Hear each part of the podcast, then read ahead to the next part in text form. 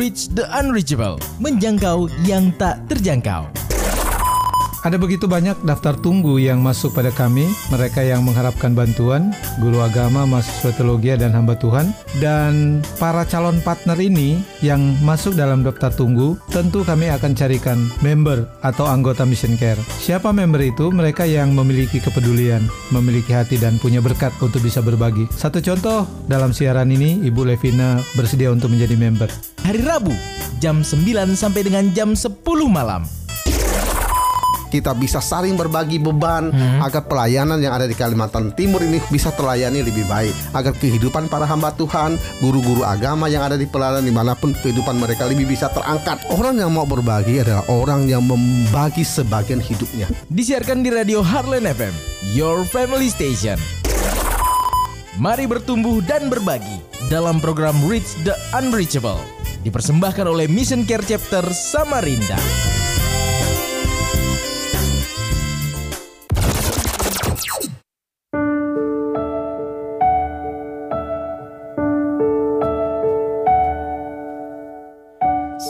Selamat malam hal listener. Kembali lagi pastinya di ruang dengar Anda dalam program Reach the Unreachable Menjangkau yang tak terjangkau.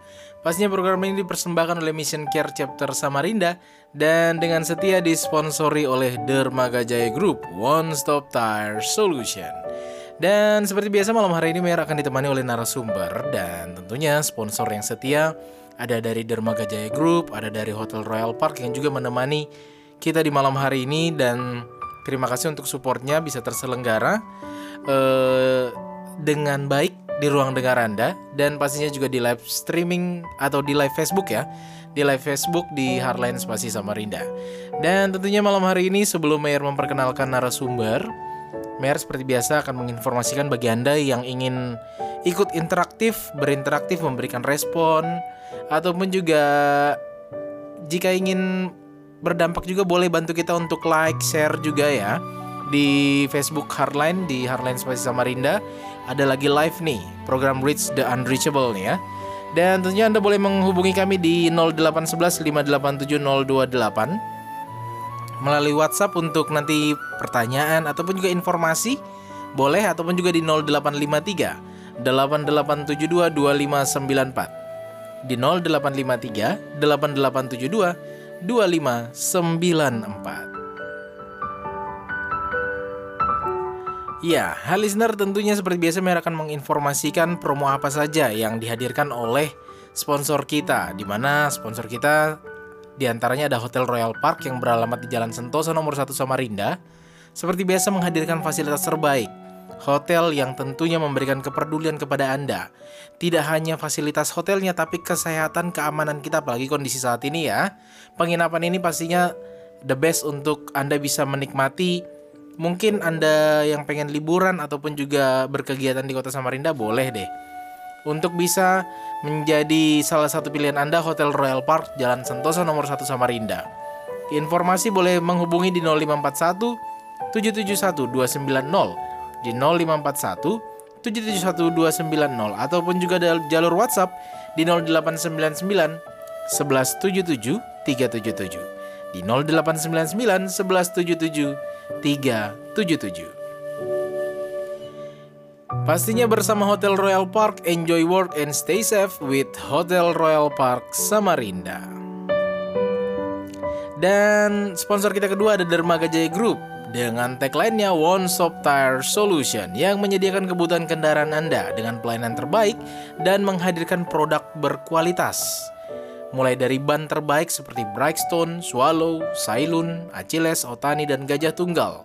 Vulkanisir Bendek juga hadir ya dengan kepercayaan dari Bendekco sebagai perusahaan retreat nomor satu di dunia mulai dari tahun 2011 hadir dengan pelayanan terbaik dalam perawatan ban kendaraan Anda sehingga umur pakai lebih maksimal.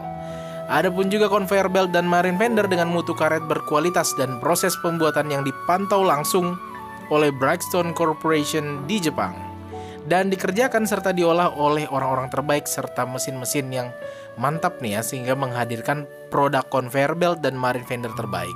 Tersedia juga oil castrol untuk industrial dan juga velg Jansa serta PBI. Informasi dapat menghubungi 0541742426 di 0541 742426 ataupun WhatsApp di 0821 5299 1734 di 0821 5299 1734. Ya, hal listener dan tentunya tanpa berpanjang-panjang lagi Mer memperkenalkan narasumber malam hari ini Bagi Anda yang memantau kita di jalur Facebook sudah melihat ya Mayor eh, ditemani kembali oleh Bapak kita yang selalu setia Guru Injil Gideon Manurung MA Shalom selamat malam Pak Selamat malam Mayor, selamat malam Bu Anna Tombeng. Hmm.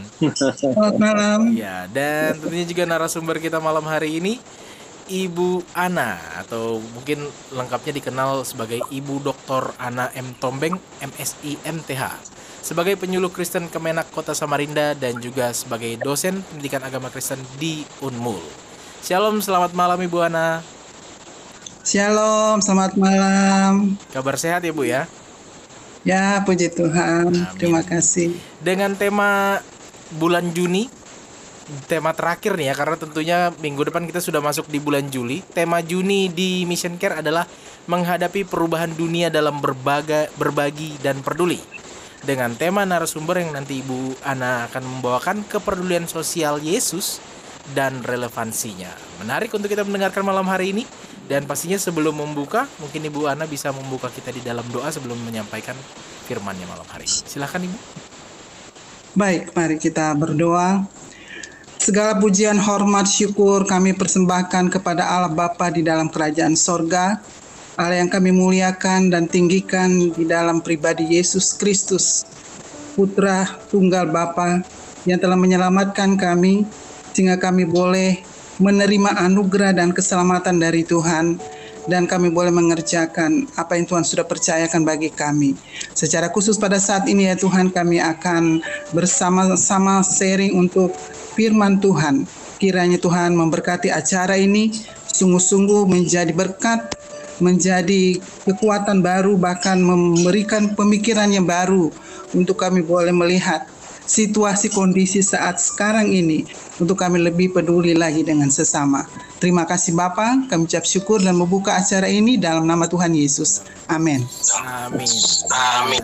Terima kasih Bu Ana untuk doa pembukanya dan pastinya untuk tema malam hari ini kepedulian sosial Yesus dan relevansinya kepada Ibu Ana dipersilahkan. Baik, terima kasih. Puji Tuhan. Saya pada saat ini bersyukur karena untuk pertama kalinya diberikan kesempatan untuk melayani di uh, acara ini. Terima kasih Bapak Gideon yang sudah menjadi uh, saluran berkat bagi saya untuk uh, melayani pada malam hari ini.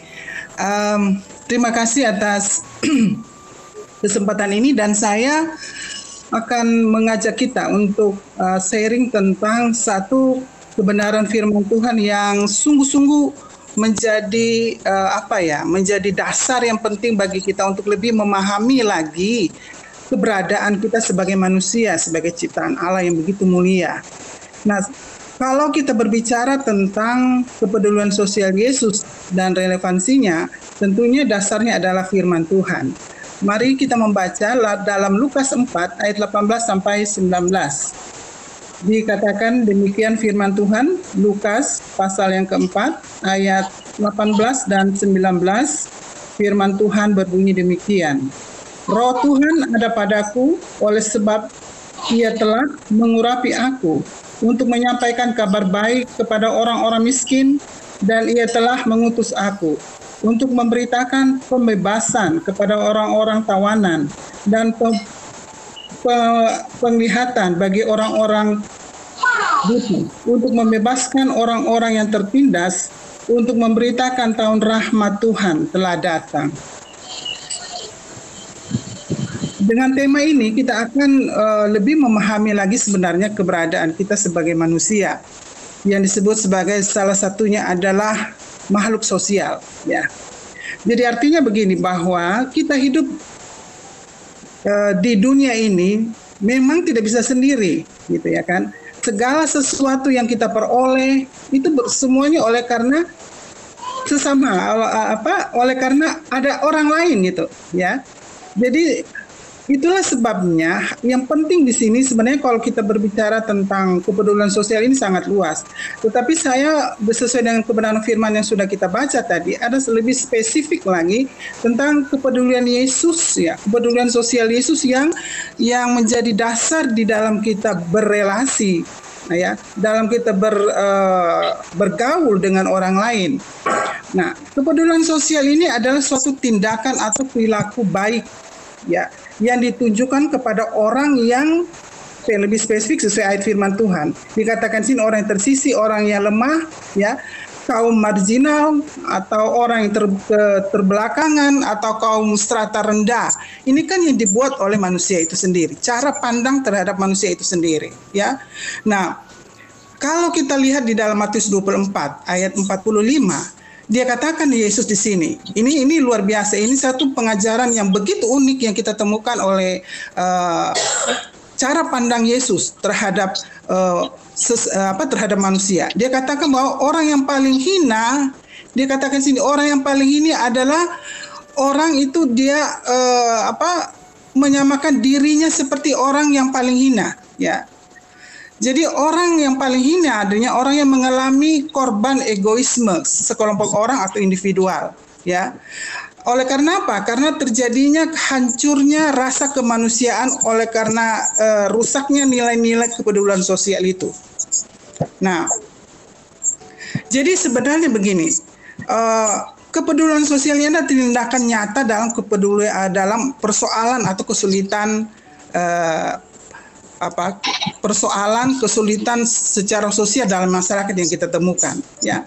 Nah, di dalam Alkitab dikatakan ada banyak firman Tuhan yang menekankan kepada kita bahwa uh, berkat materi kita apa saja yang kita miliki itu berasal dari Tuhan dan bukan untuk diri sendiri. Ya, tetapi juga untuk orang lain. Saya lihat seperti contoh di dalam uh, perjanjian lama. Dalam perjanjian lama itu ada yang disebut dengan hukum sosial. Ya, hukum sosial. Contohnya misalnya uh, uh, cerita tentang Ruth dan Boas, ya. Jadi setiap orang yang memanen panen pak gandum kah, panen buah kah, ya, itu tidak boleh dihabiskan. Tetapi harus disisakan untuk siapa? Untuk orang-orang yang seperti ini, orang yang miskin secara materi ya, orang-orang dalam perjalanan jauh, ya gitu ya kan? Jadi ini hukum sosial yang kita temukan dalam perjanjian lama. Yang ke dalam perjanjian baru lagi kita lihat di sini lebih lebih spesifik lagi dalam pelayanan Yesus. Dalam Matius 6 itu ayat 8 sampai 9. Bahwa per, kalau pergi dalam perjalanan jauh ya secara khusus dalam konteks pelayanan, penginjilan di sini tidak boleh membawa apa di sini tidak boleh membawa ikat pinggang itu dompet, tidak boleh bawa uang, tidak boleh bawa apa? Baju. Ini hukum sosial, ya. Karena apa? Setiap rumah yang dikunjungi, rumah itu harus memberi makan orang yang datang. Yang kedua, setelah orang itu entah dia sudah bermalam ke atau tidak, dia harus apa? Mengganti pakaian yang tamu yang datang itu. Jadi memang karena ukuran baju di sana eh, zaman eh, Alkitab itu kan sama modelnya ya, jubah itu ya. Jadi orang baik kecil, yang kurus, ya, yang gemuk bisa saja pakai. Nah itu. Jadi artinya ini sudah ada penekanan yang penting di sini ya. Jadi eh, hukum sosial ini sudah ada kita temukan di dalam Alkitab. Nah, adanya pengaruh arus globalisasi, gaya hidup ini cenderung perkembangan zaman sekarang, apalagi di kota ya, cenderung menuju kepada egosentris. Ya, kenapa? Karena apa? Pertama, nilai-nilai sosial itu diabaikan. Ya kan? Jadi hilangnya kepedulian sosial. Yang kedua, adanya tindakan moral yang tidak sehat lagi. Ya. Jadi menutup uh, apa? menutup hati nurani untuk peduli terhadap sesama. Yang ketiga, kehilangan sensitivitas terhadap orang lain. Nah, itu ya kan? Lu gue gue. Nah, kan gitu sekarang itu ya. Ya. Ini sikap yang kita temukan sekarang. Ya, begitu luar biasa eh, apa pengaruh arus globalisasi sekarang. Nah, sekarang kita ada tiga hal yang saya akan uh, sharing kita bersama pada malam hari ini. Dengan kita lihat kepedulian sosial Yesus, apa relevansinya untuk kita sebagai orang percaya untuk kita lakukan? Ya, yang saya lihat ada tiga. Sebenarnya begitu banyak itu dalam yang kita pelajari soal kepedulian sosial Yesus. Tiga hal yang saya temukan. Di dalam Lukas 2 ayat 52, ini uh, masa uh, kanak-kanak Yesus yang hanya diungkapkan di dalam kitab Injil Lukas pasal yang kedua ini ya tidak ada dalam kitab Injil yang lain tapi ini sangat penting di sini dikatakan bahwa Yesus dalam asuhan orang tuanya sampai umur 12 tahun ya. Nah, di sini yang pertama kita lihat bahwa pengajaran sejak dini dalam keluarga itu penting. Ya, sangat penting. Orang tua mengajar anak-anak melalui didikan untuk bisa bertanggung jawab, untuk bisa disiplin, ya, untuk bisa menjaga nama baik, sopan, santun, kerjasama, kasih sayang, saling memaafkan, tenggang rasa.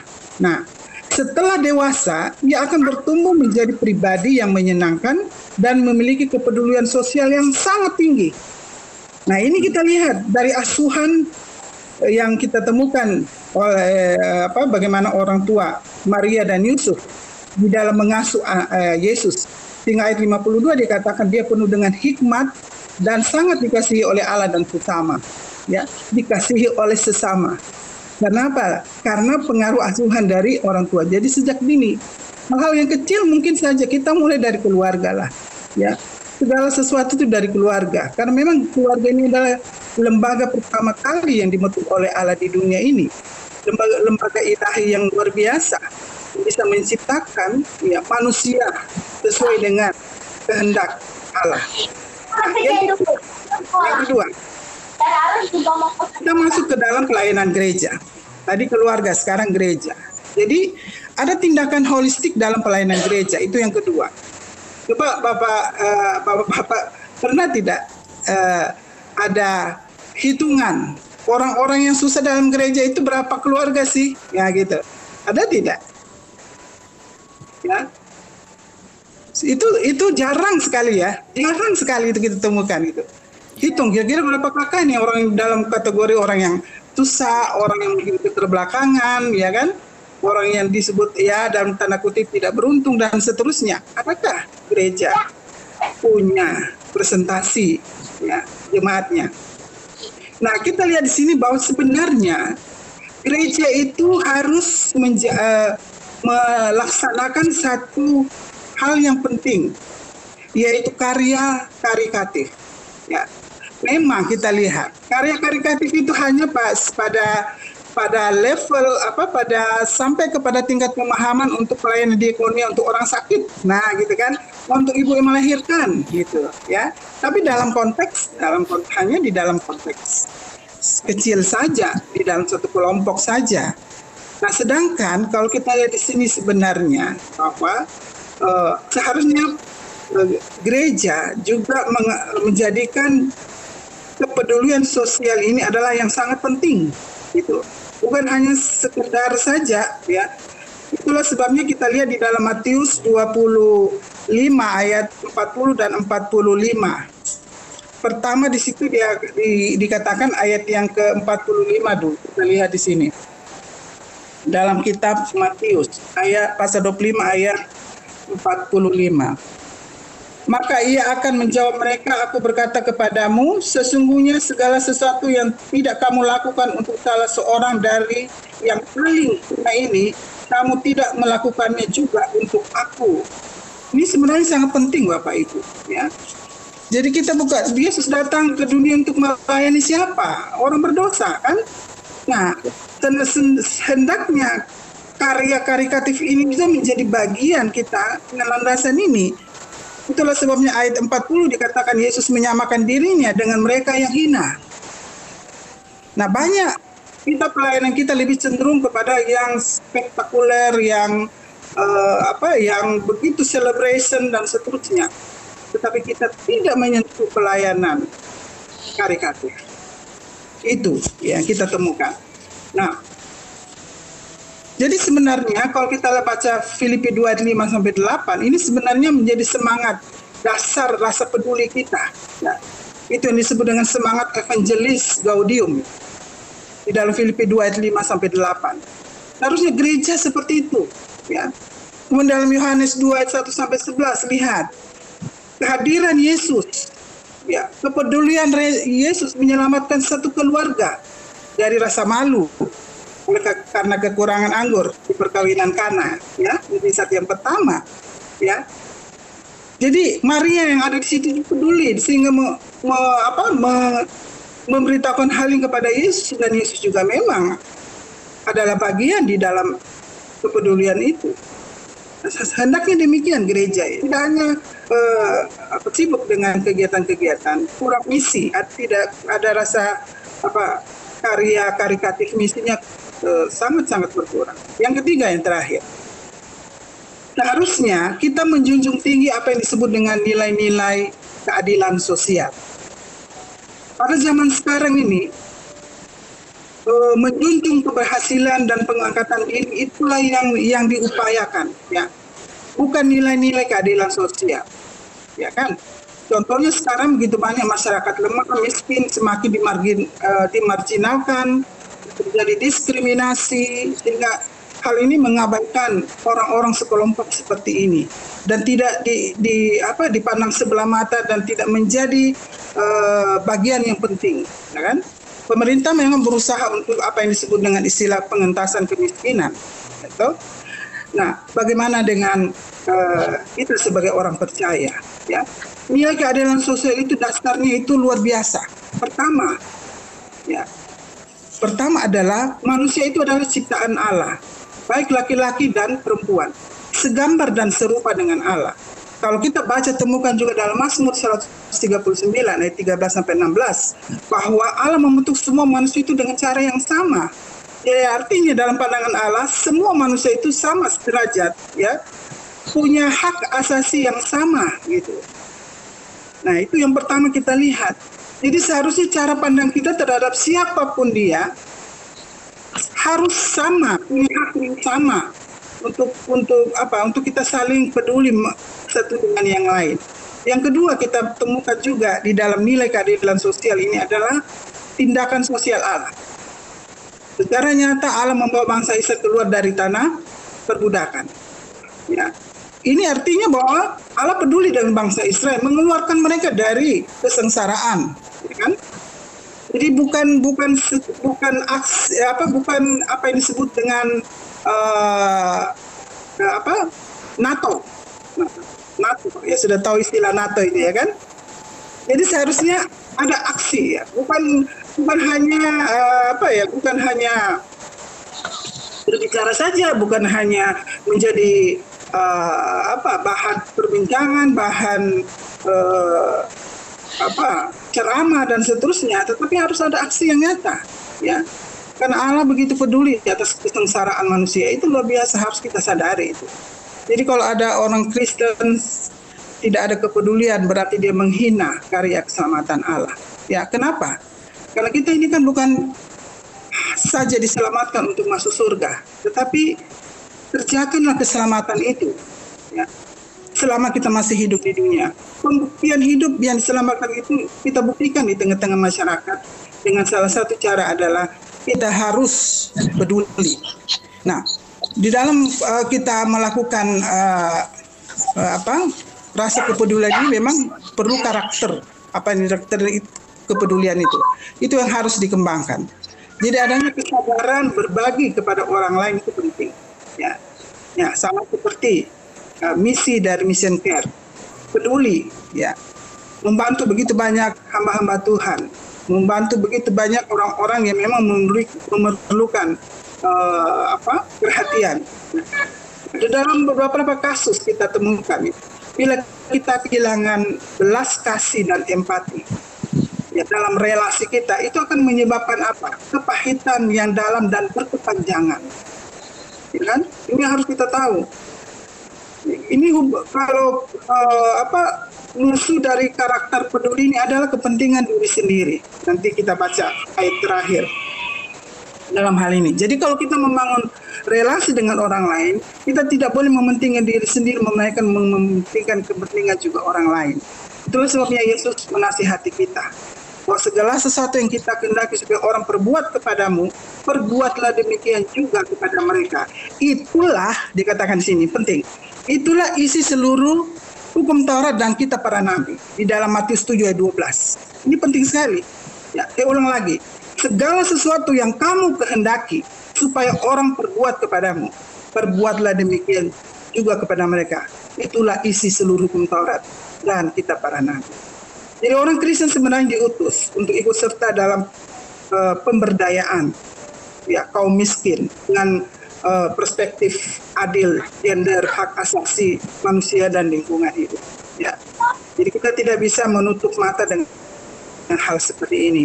Jadi orang percaya kepada Yesus harus menunjukkan kepedulian terhadap kebutuhan dan penderitaan orang yang di dunia ini. Melalui apa? Melalui pelayanan yang nyata.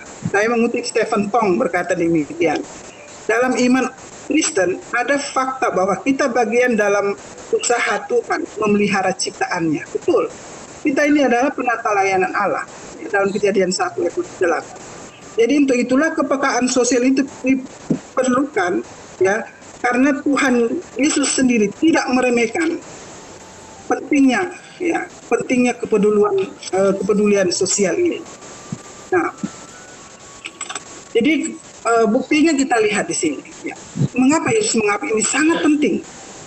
Dasarnya adalah Yesus menjadi teladan contoh betapa dirinya sebagai Allah yang meninggalkan kemuliaan di surga untuk peduli dengan manusia yang berdosa.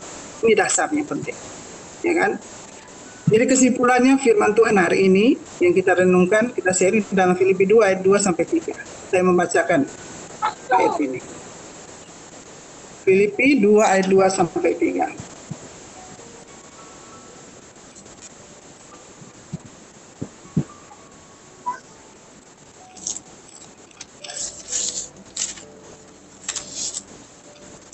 Karena itu sempurnakanlah sukacitaku dengan hal ini. Hendaklah kamu sehati sepikir dalam satu kasih, satu jiwa, satu tujuan, dengan tidak mencari kepentingan diri sendiri atau puji-pujian yang sia-sia. Sebaliknya, hendaklah dengan rendah hati yang seorang menganggap yang lain lebih utama daripada dirinya sendiri. Dan janganlah tiap-tiap orang hanya memperhatikan kepentingan sendiri, tetapi kepentingan orang lain juga.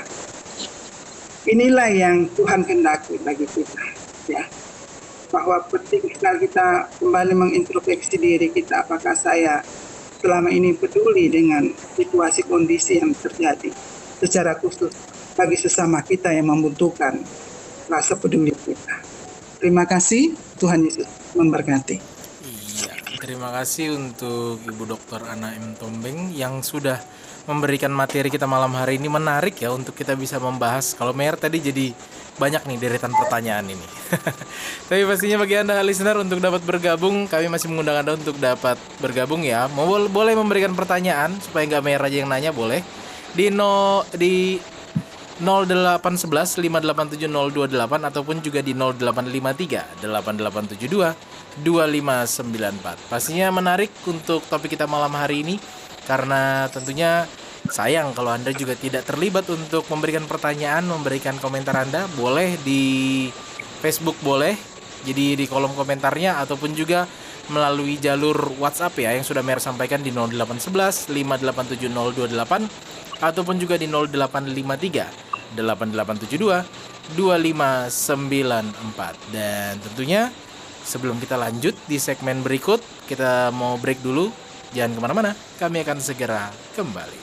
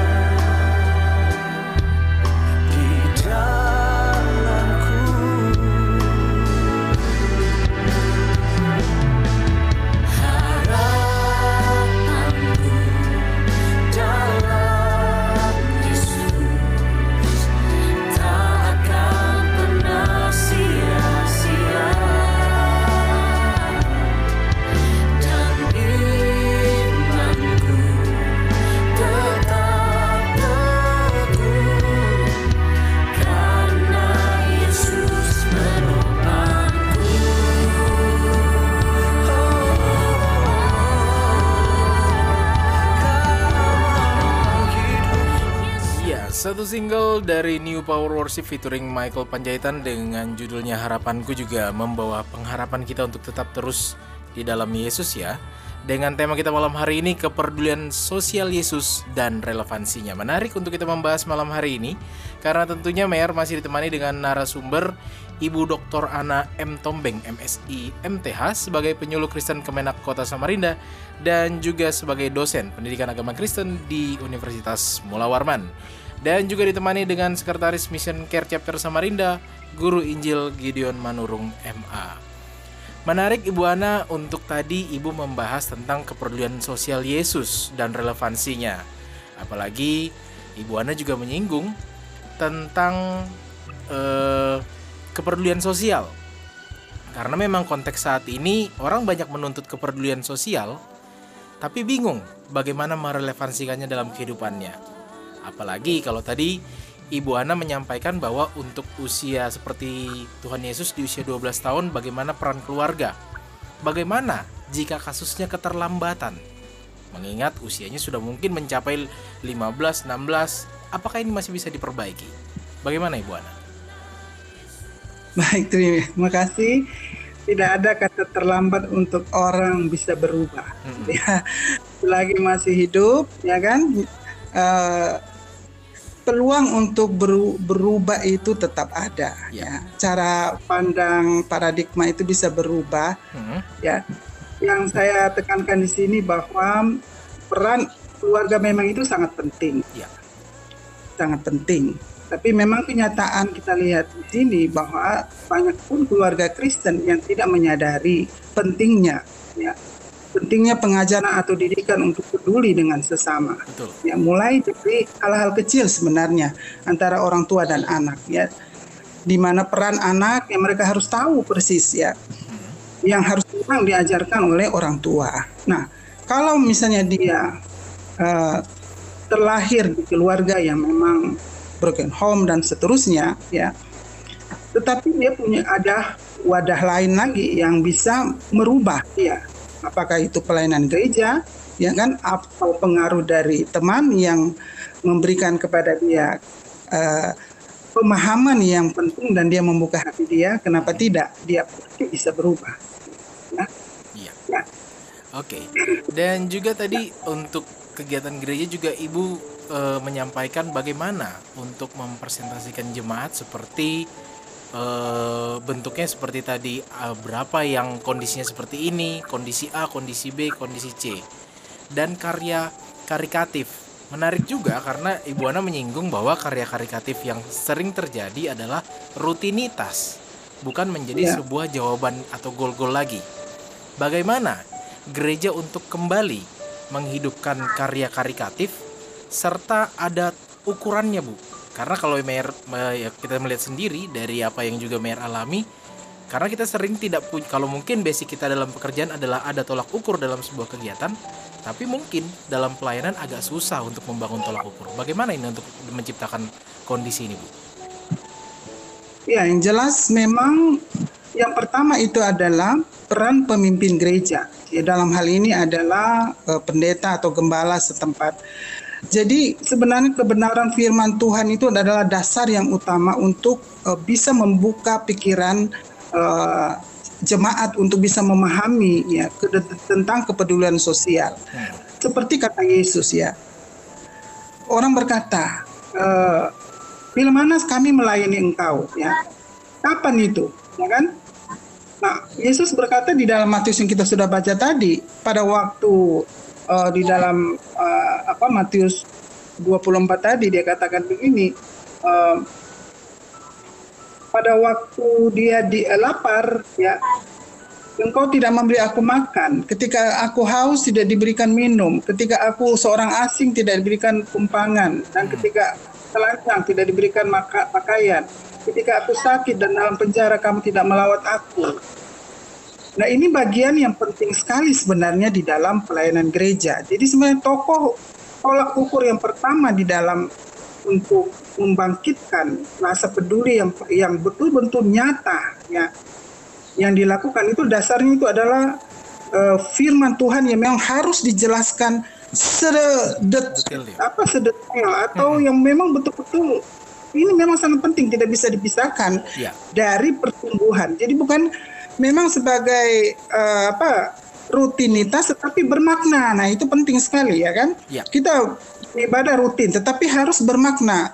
Demikian juga hal seperti ini gitu. Jadi aksi itu penting gitu. Jadi bukan hanya sekedar program tetapi juga aksinya ada gitu ya kan? Jadi jangan gereja itu jangan seperti katak dalam tempurung gitu. Jadi tidak eh, tahu apa yang terjadi di luar dari gereja. Ya, hanya sibuk dengan urusan gereja saja. Tetapi melihat kepedulian sosial itu penting. Makanya sering terjadi kasus adanya kecemburuan sosial. Ya. Kan terjadi gitu. Ada banyak seperti contoh, misalnya contoh. Ada banyak em, eh, gereja-gereja yang berada di berdiri dengan megah berada di perkampungan kumuh misalnya contohnya. Nah, bagaimana gereja berperan? Ya, berperan di lingkungan yang ada itu. Saya pernah eh, mengajar di Sunodia. Ya, Ketua Yayasan Pak ini diskusi dengan saya karena memang sekolah itu berada di eh, tempat lingkungan yang eh, tidak seiman dan kemudian berada di eh, ekonomi bawah ya. Ya. Jadi sekolah itu sering dilempar dan seterusnya. Jadi saya bilang bangun relasi peduli sosial harus ada di situ supaya apa?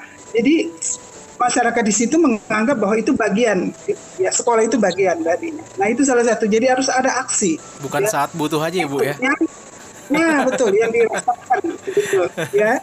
Nah itu contohnya misalnya. Oke Iya. baik. Iya, oke. Mungkin dari Pak Gideon ada yang mau ditanyakan ke Ibu Ana?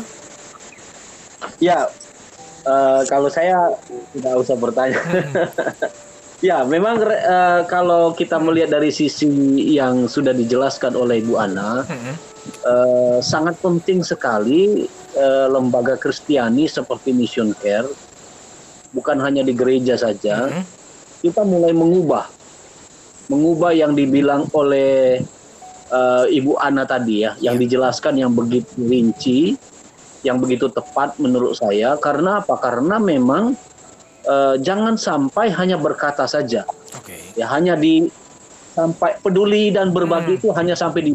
Nah, sedangkan eh, pelayanan sosial itu ada yang dikerjakan oleh Tuhan Yesus Ya. ya sampai dengan ciri-ciri khasnya lalu kesimpulan di dalam uh, Filipi yang disebutkan oleh Ibu Ana tadi itu menunjukkan bahwa uh, lembaga Kristiani secara khusus Mission Care sudah mulai me- mengubah Hmm. Ya mengubahnya begini Meyer bukan hanya memberi selama ini kan kita tahu bahwa uh, Mission Care itu hanya memberi kepada hamba-hamba Tuhan Hmm. mensubsidi Ya.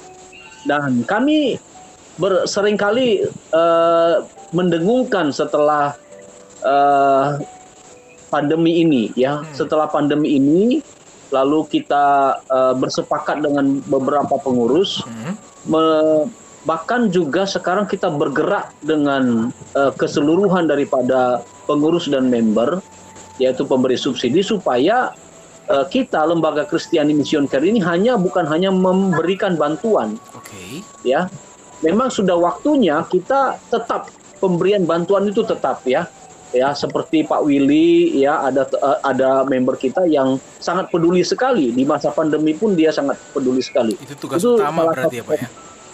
Iya Hmm. itu memang eh, tidak bisa kita tinggalkan ya rasa peduli tidak mungkin ya Ya. tetapi yang menjadi eh, apa inti yang dijelaskan oleh Ibu Ana Tombeng tadi secara khusus bahwa kesimpulan di dalam Filipi itu mari kita sungguh-sungguh bukan hanya di masa-masa orang itu dibantu kita membantu Oke. tetapi pada waktu orang itu sudah dibantu bagaimana kita memberdayakan dia Berarti ya. berdampak. Lalu- Dampaknya berarti yang yang yang kali ini kita bahas. iya Hmm. Jadi sebenarnya eh, seluruh prinsip firman Tuhan yang sudah dijabarkan oleh Ibu Ana Tombeng tadi ditangkap oleh Mission Care karena Mission Care itu apa pendukung gereja begitu ya. Eh, misalnya eh, sinode-sinode belum bisa memberi apa eh, dukungan kepada hamba-hamba Tuhan yang di garis depan misalnya Hmm. di daerah luar gitu ya Ya. yang sangat membutuhkan atau hamba-hamba Tuhan yang melayani eh, sebagai guru agama Kristen yang uh, belum mendapatkan apa namanya uh, kesempatan untuk menjadi pegawai negeri ataupun juga mereka menerima insentif. Hmm. Jadi paling tidak uh, kita memberi bantuan kepada mereka itu tetap tetap itu kita jaga. Namun bukan hanya memberi bantuan saja, tetapi kita lebih lagi melihat bagaimana pemberian subsidi itu untuk memberikan kepada mereka pemberdayaan. Contoh KTB UKM. Hmm. Nah, di dalam kelompok tubuh bersama uh, apa usaha kecil uh, menengah uh, kita sudah dari uh, dari berapa lima pembina menjadi sembilan pembina dan kita mulai memikirkan bagaimana KTB UKM ini menghasilkan sesuatu misalnya. Ya. Ya kita mulai mulai ada gerakan dari Pak Sur misalnya memberikan kesempatan untuk tanahnya yang 5 hektar menjadi 8 hektar, hmm. lalu beberapa uh, tanahnya yang ada di kota Samarinda ini di tiga tempat itu untuk diberdayakan supaya nanti uh, kita uh, sebagai pengurus dan juga nanti uh, para partner ataupun alumni bisa uh, memproduksi sesuatu. Contoh, misalnya kita mulai diajarkan memproduksi uh, minyak yang sekarang lagi tren ya, hmm. minyak pisco ya, eh, virgin apa oh, gitu ya, saya lupa. Ya itu yang yang tidak pernah saya pikirkan selama ini itu bisa membunuh uh, virus COVID katanya. Hmm. Di dan di Wisma Atlet itu VCO itu dipakai untuk terapi misalnya gitu. Nah itu contoh kita nanti dalam KTB UKM kita menghasilkan sesuatu, setelah itu kita memproduksinya, setelah kita memproduksi kita menjualnya. Jadi paling tidak eh, partner kita nanti akhirnya bukan hanya menerima subsidi saja, hmm. tetapi mereka juga bisa dibentuk KTB KTB UKM dan mereka bisa memproduksi sesuatu. Yeah. Misalnya, biar Pak Bobi, pendeta Bobi yang ada di Tenggarong. Hmm. Di Tenggarong itu katanya nenasnya uh, satu kalau di Samarinda sudah sepuluh ribu. Hmm. Ya kalau di Tenggarong itu bisa lima ribu. Nah, bagaimana kita nanti uh, bisa memakai di sana memproduksi uh, misalnya uh, nanas ini menjadi nanas yang difermentasikan dengan madu. Ya. Dan ini untuk kesehatan uh, autoimun ya. Hmm. Punya orang yang punya salah satunya adalah punya penyakit autoimun. Itu contoh-contoh Mayor yang kita harapkan nanti uh, Katib UKM ini bukan hanya di Samarinda yang sudah berjalan, tetapi hmm. juga bisa uh, dibuka di uh, Tenggarong ataupun ada di uh, di apa di Kubar misalnya gitu. Itu yang harus kita kerjakan karena prinsip yang sudah di, sangat jelas tadi hmm. sudah dijelaskan di Ana. Jadi mission care itu seperti itu. Jadi jangan sampai hanya berbicara saja, hmm. tetapi ada juga melakukan sesuatu. Demikian, Meya. Oke. Okay ke Ibu Ana dari apa yang sudah disampaikan oleh Pak Gideon tadi. Bagaimana? Apakah ini bisa menjadi sebuah relevansi yang harus dapat dikembangkan dan harus berdampak lebih luas lagi dari kepedulian sosial yang digambarkan Ibu Ana melalui karya Yesus tadi? Ya, ya betul sekali Pak Gideon. Saya melihat di sini dari penjelasan Pak Gideon bahwa memang kita hanya tidak hanya kasih an, uh, ikan, tetapi ya. juga kita kasih pancing, kan hmm. gitu ini Tuhan memang kehendaki. Kalau orang banyak Kristen, orang Kristen yang uh, punya kepedulian sosial seperti ini, ini luar biasa, Pak. Ya, ini luar biasa sebenarnya. Karena gini, orang hanya kebanyakan orang Kristen kita hanya sampai sebatas doa saja, ya, ya kan? Tapi sebenarnya kita bisa melakukan. Nah, itu ya. Inilah sebenarnya tidak kita tidak uh, sadar bahwa kita terjebak dengan istilah NATO itu tadi. Hmm. ya kita berdoa kita berdoa. Memang betul harus berdoa. Tetapi ada memang hal yang harus kita kerjakan dan kita lakukan dan kita bisa. Ya. nah seperti orang-orang yang sebagai pendukung, pendukung mission care ini orang-orang yang bukan hanya uh, berbicara tapi tapi juga dia melakukannya dan berdampak dan memberikan apa meluas lagi ya kan. Ya. Jadi artinya orang yang dibantu bisa membantu, jadi diberkati untuk mem memberkati. memberkati. Nah itu dengan dengan misi dari uh, Mission Care sendiri. Hmm. Ya saya memang banyak lembaga-lembaga Kristen bisa seperti ini ya, iya. bisa ber, apalagi di masa pandemi ini dan sangat membutuhkan pelayanan yang memang menyentuh hati. Ya. Hmm. Bukan hanya makan saja, tetapi juga ada aksi di sini. Iya dari yang ibu sampaikan tadi kalau Mer sudah berapa kali dari be, dari beberapa kali kita siaran adalah untuk bagaimana menghidup menghidupkan, menumbuhkan. Kalau sekarang kembali pertanyaannya kepada Ibu Ana, bagaimana menyalakan kembali? Karena sebenarnya kalau Mayor berprinsip ini hanya redup karena kondisi yang eh, kami bisa saksikan sama Pak Gideon di masa pandemi di 2020 justru support kepada Mission Care untuk eh, menjangkau yang tak terjangkau tuh jauh lebih banyak daripada sebelum pandemi ya Pak Gideon ya. Ya, Ya, betul. bagaimana nih Bu untuk meng- menyalakan kembali? Apakah Ya, harus ada pandemi berikutnya atau bagaimana? Jadi orang misalnya gini, orang yang berbuat itu akan memberikan dampak kepada orang banyak. Satu satu perbuatan itu ya, itu lebih besar daripada seribu. Kata-kata, ya kan itu. Betul. Jadi justru di pandemi ini mission care lebih banyak apa mendapat apa sponsor Mm-mm. ya banyak orang-orang yang menjadi peduli dengan misi misi ini Iya. itulah sebabnya memang sekarang ya mission care itu lebih apa ya mungkin lebih gini Pak Gideon saya mungkin saran saya supaya eh, mungkin hanya segelintir orang yang tahu misi mission care ini ya kan nah seperti eh, saya kan baru baru mengerti dan memahami seperti apa Iya. yang dikatakan Pak Gideon tadi. Tapi untuk untuk orang yang eh, lain mungkin ya tidak mengenal mission care. Ya mungkin hanya sebatas untuk membantu saja ya kan? Itu beasiswa dan seterusnya ya. Dan memang ini sudah lama mission care ini ya. Mungkin lebih gaungnya mungkin lagi pak. Gaungnya itu mungkin lebih eh, apa ya itu masa zaman sekarang kan ini masa ma- eh, media media Iya, nah iya, pakai media. itu itu Publikasi dipakai berarti harus lebih ditingkatkan ya Bu ya. akan lebih lebih kelihatan gitu Pak Gideon. Jadi artinya lebih terasa orang akan eh, saya yakin Tuhan akan menggerakkan lebih banyak orang lagi. Ya. Kalau orang punya ke- kesadaran eh, kepedulian sosial, ya pasti akan tergerak melihat eh, misi dari Mission Care ini. Hanya ya memang gaungnya belum anu, Pak, belum apa ya, belum terasa gitu. Caranya ya, caranya. Saya ambil contoh aja dari ini ya kan, apa yang sudah dibuat di Care, luar biasa. Iya. Ya. Menarik untuk dapat mengenal lebih dalam bagaimana peran Mission Care bagi Anda juga yang ingin mengenal lebih jauh, mengenal lebih dalam, boleh eh, menghubungi di 0811 587 028 dengan Bapak Yesasa ataupun juga dengan Bapak Gideon Manurung di 0853 8872 2594 karena tentunya tidak hanya mensubsidi hamba Tuhan, mahasiswa teologi, guru agama, tapi banyak peran-peran yang eh, dilakukan mission care. Seperti membantu eh, terlebih lagi untuk air ya Pak, kebutuhan air yang hari itu terjadi Kebutuhan air. bencana alam di Palu, Sigi dan Donggala. Dan juga kali ini fokus kepada agrocare.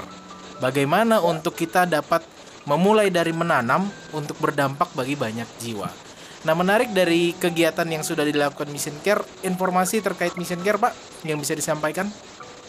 Ya, paling tidak eh, berita Mission Care kali ini berkaitan sekali dengan eh, Ibu Ana Tombeng yang memberikan dorongan kepada kami. Memang eh, secara khusus di masa pandemi ini kita mengefektifkan baik melalui radio ini maupun juga melalui Facebook seperti yang sudah dilakukan oleh Mayor.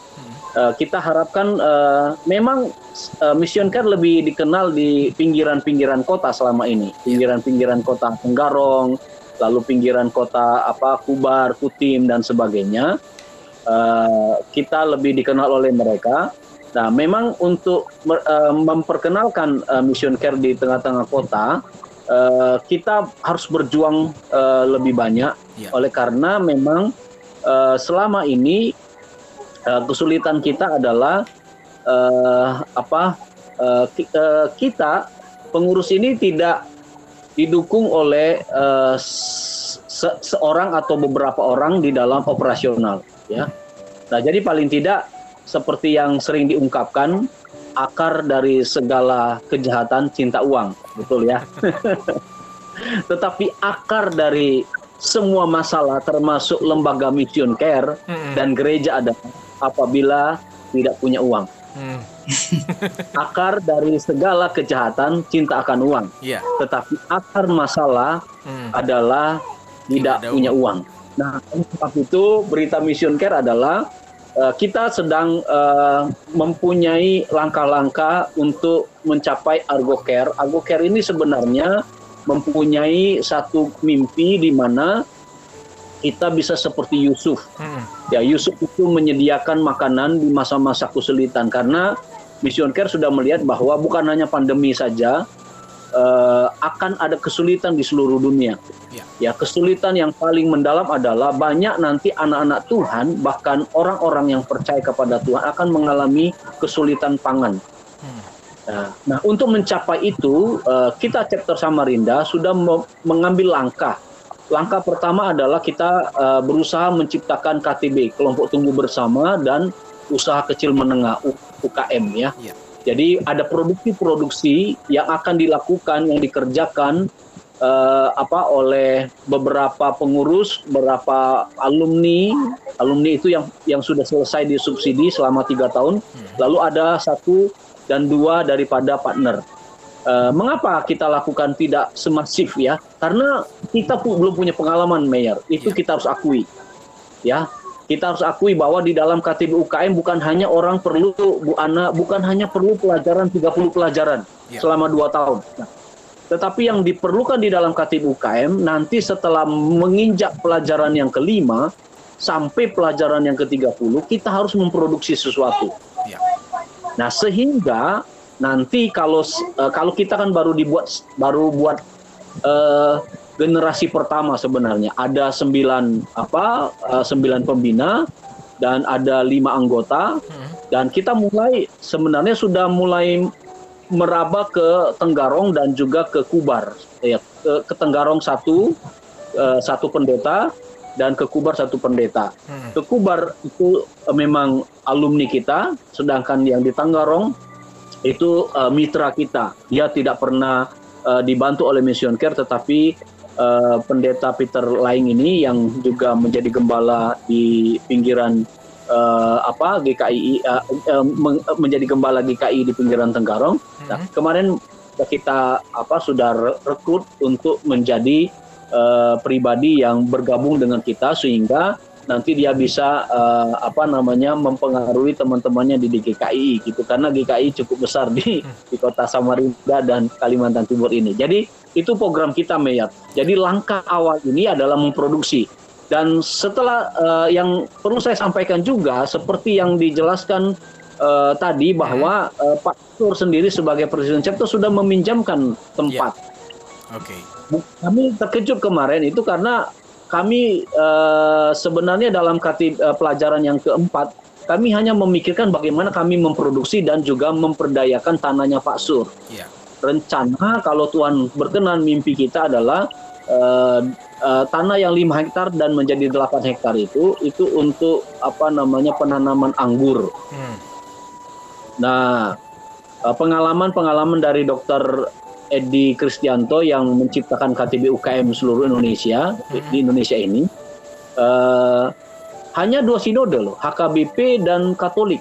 Ya. Itu pun sampai hari ini kesulitan untuk mencari buah anggur. Hmm. Bukan buah anggur dari Arab, Arab sana ya, Israel sana. Enggak. Ini benar-benar buah anggur yang difermentasikan dengan madu hutan bukan hanya untuk perjamuan kudus, tetapi di dalamnya adalah sebagai pengobatan dari dalam. Hmm. Itu karena difermentasikan.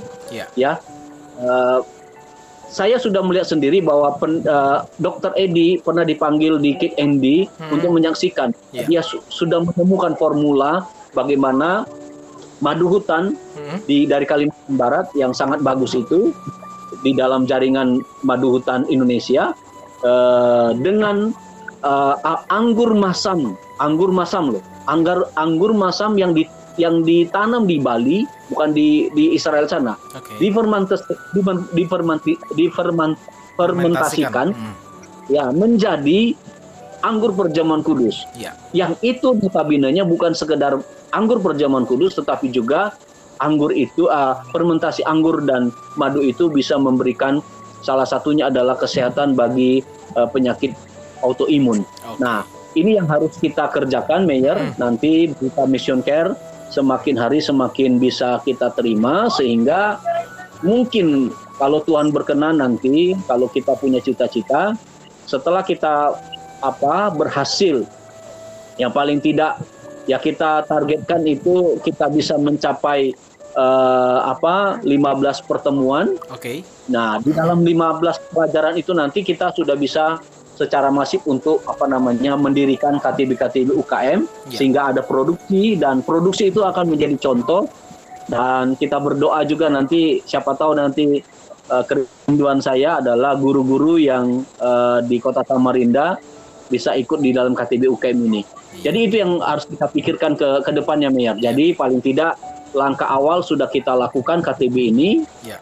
Walaupun dengan begitu susahnya, jadi KTB ini adalah kelompok bertumbuh bersama bukan hanya memikirkan pelajaran pelajaran Kristiani ya. untuk bertumbuh bersama tetapi juga kita memproduksi sesuatu. Nah, okay. itu menjadi berita yang harus kita doakan, yang wajib kita doakan di Mission Fair. Hmm. Demikian Mayor. Iya, terima kasih Pak Gideon untuk informasinya tentang Mission Care dan tentunya waktu tidak terasa sudah berada di penghujung.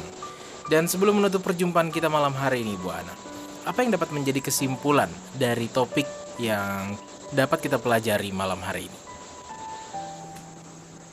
Silakan Bu. Silakan Ibu Ana. Iya. Iya. Saya sudah baca tadi uh, di dalam Filipi itu tadi ya Filipi hmm. 2 ayat 23 itu bulan kita inilah yang Yesus kehendaki bagi orang-orang percaya ya jadilah penata layanan bagi apa yang Tuhan sudah siapkan bagi manusia di muka bumi ini. Secara khusus bagi orang percaya untuk menumbuhkan uh, kepedulian sosial. Hmm. bukan sebatas doa pelayanan secara rohani tetapi bagaimana kita juga bisa menjadi berkat secara jasmani bagi orang lain. Dengan cara juga kita bisa memberikan kesempatan ya bagi orang lain juga untuk berbuat berbagi bersama-sama oleh karena kita memberikan dampak yang luar biasa. Itu yang penting. Baik terima kasih. Iya dan tentunya tidak terasa waktu kita sudah di penghujung. Dan sebelum menutup perjumpaan kita kembali Ibu Ana bisa membawa kita di dalam doa. Baik mari kita berdoa. Terima kasih ya Tuhan Allah Bapa dalam kerajaan sorga. Terima kasih atas kebenaran firman yang kami boleh sharing bersama bahwa Tuhan menuntut kami dan menginginkan kami untuk peduli terhadap sesama sebagaimana Tuhan sudah peduli bagi kehidupan kami baik untuk kehidupan kami yang akan datang di dalam kerajaan sorga maupun kehidupan kami di muka bumi ini. Jadikanlah hidup kami bermakna bagi orang lain ya Tuhan dengan apa yang Tuhan percayakan kepada kami masing-masing. Tuhan memberkati Radio Heartline, jadikan mereka berkat Tuhan. Berkati semua apa mereka programkan dan rencanakan, biarlah itu mendatangkan kemuliaan bagi nama Tuhan.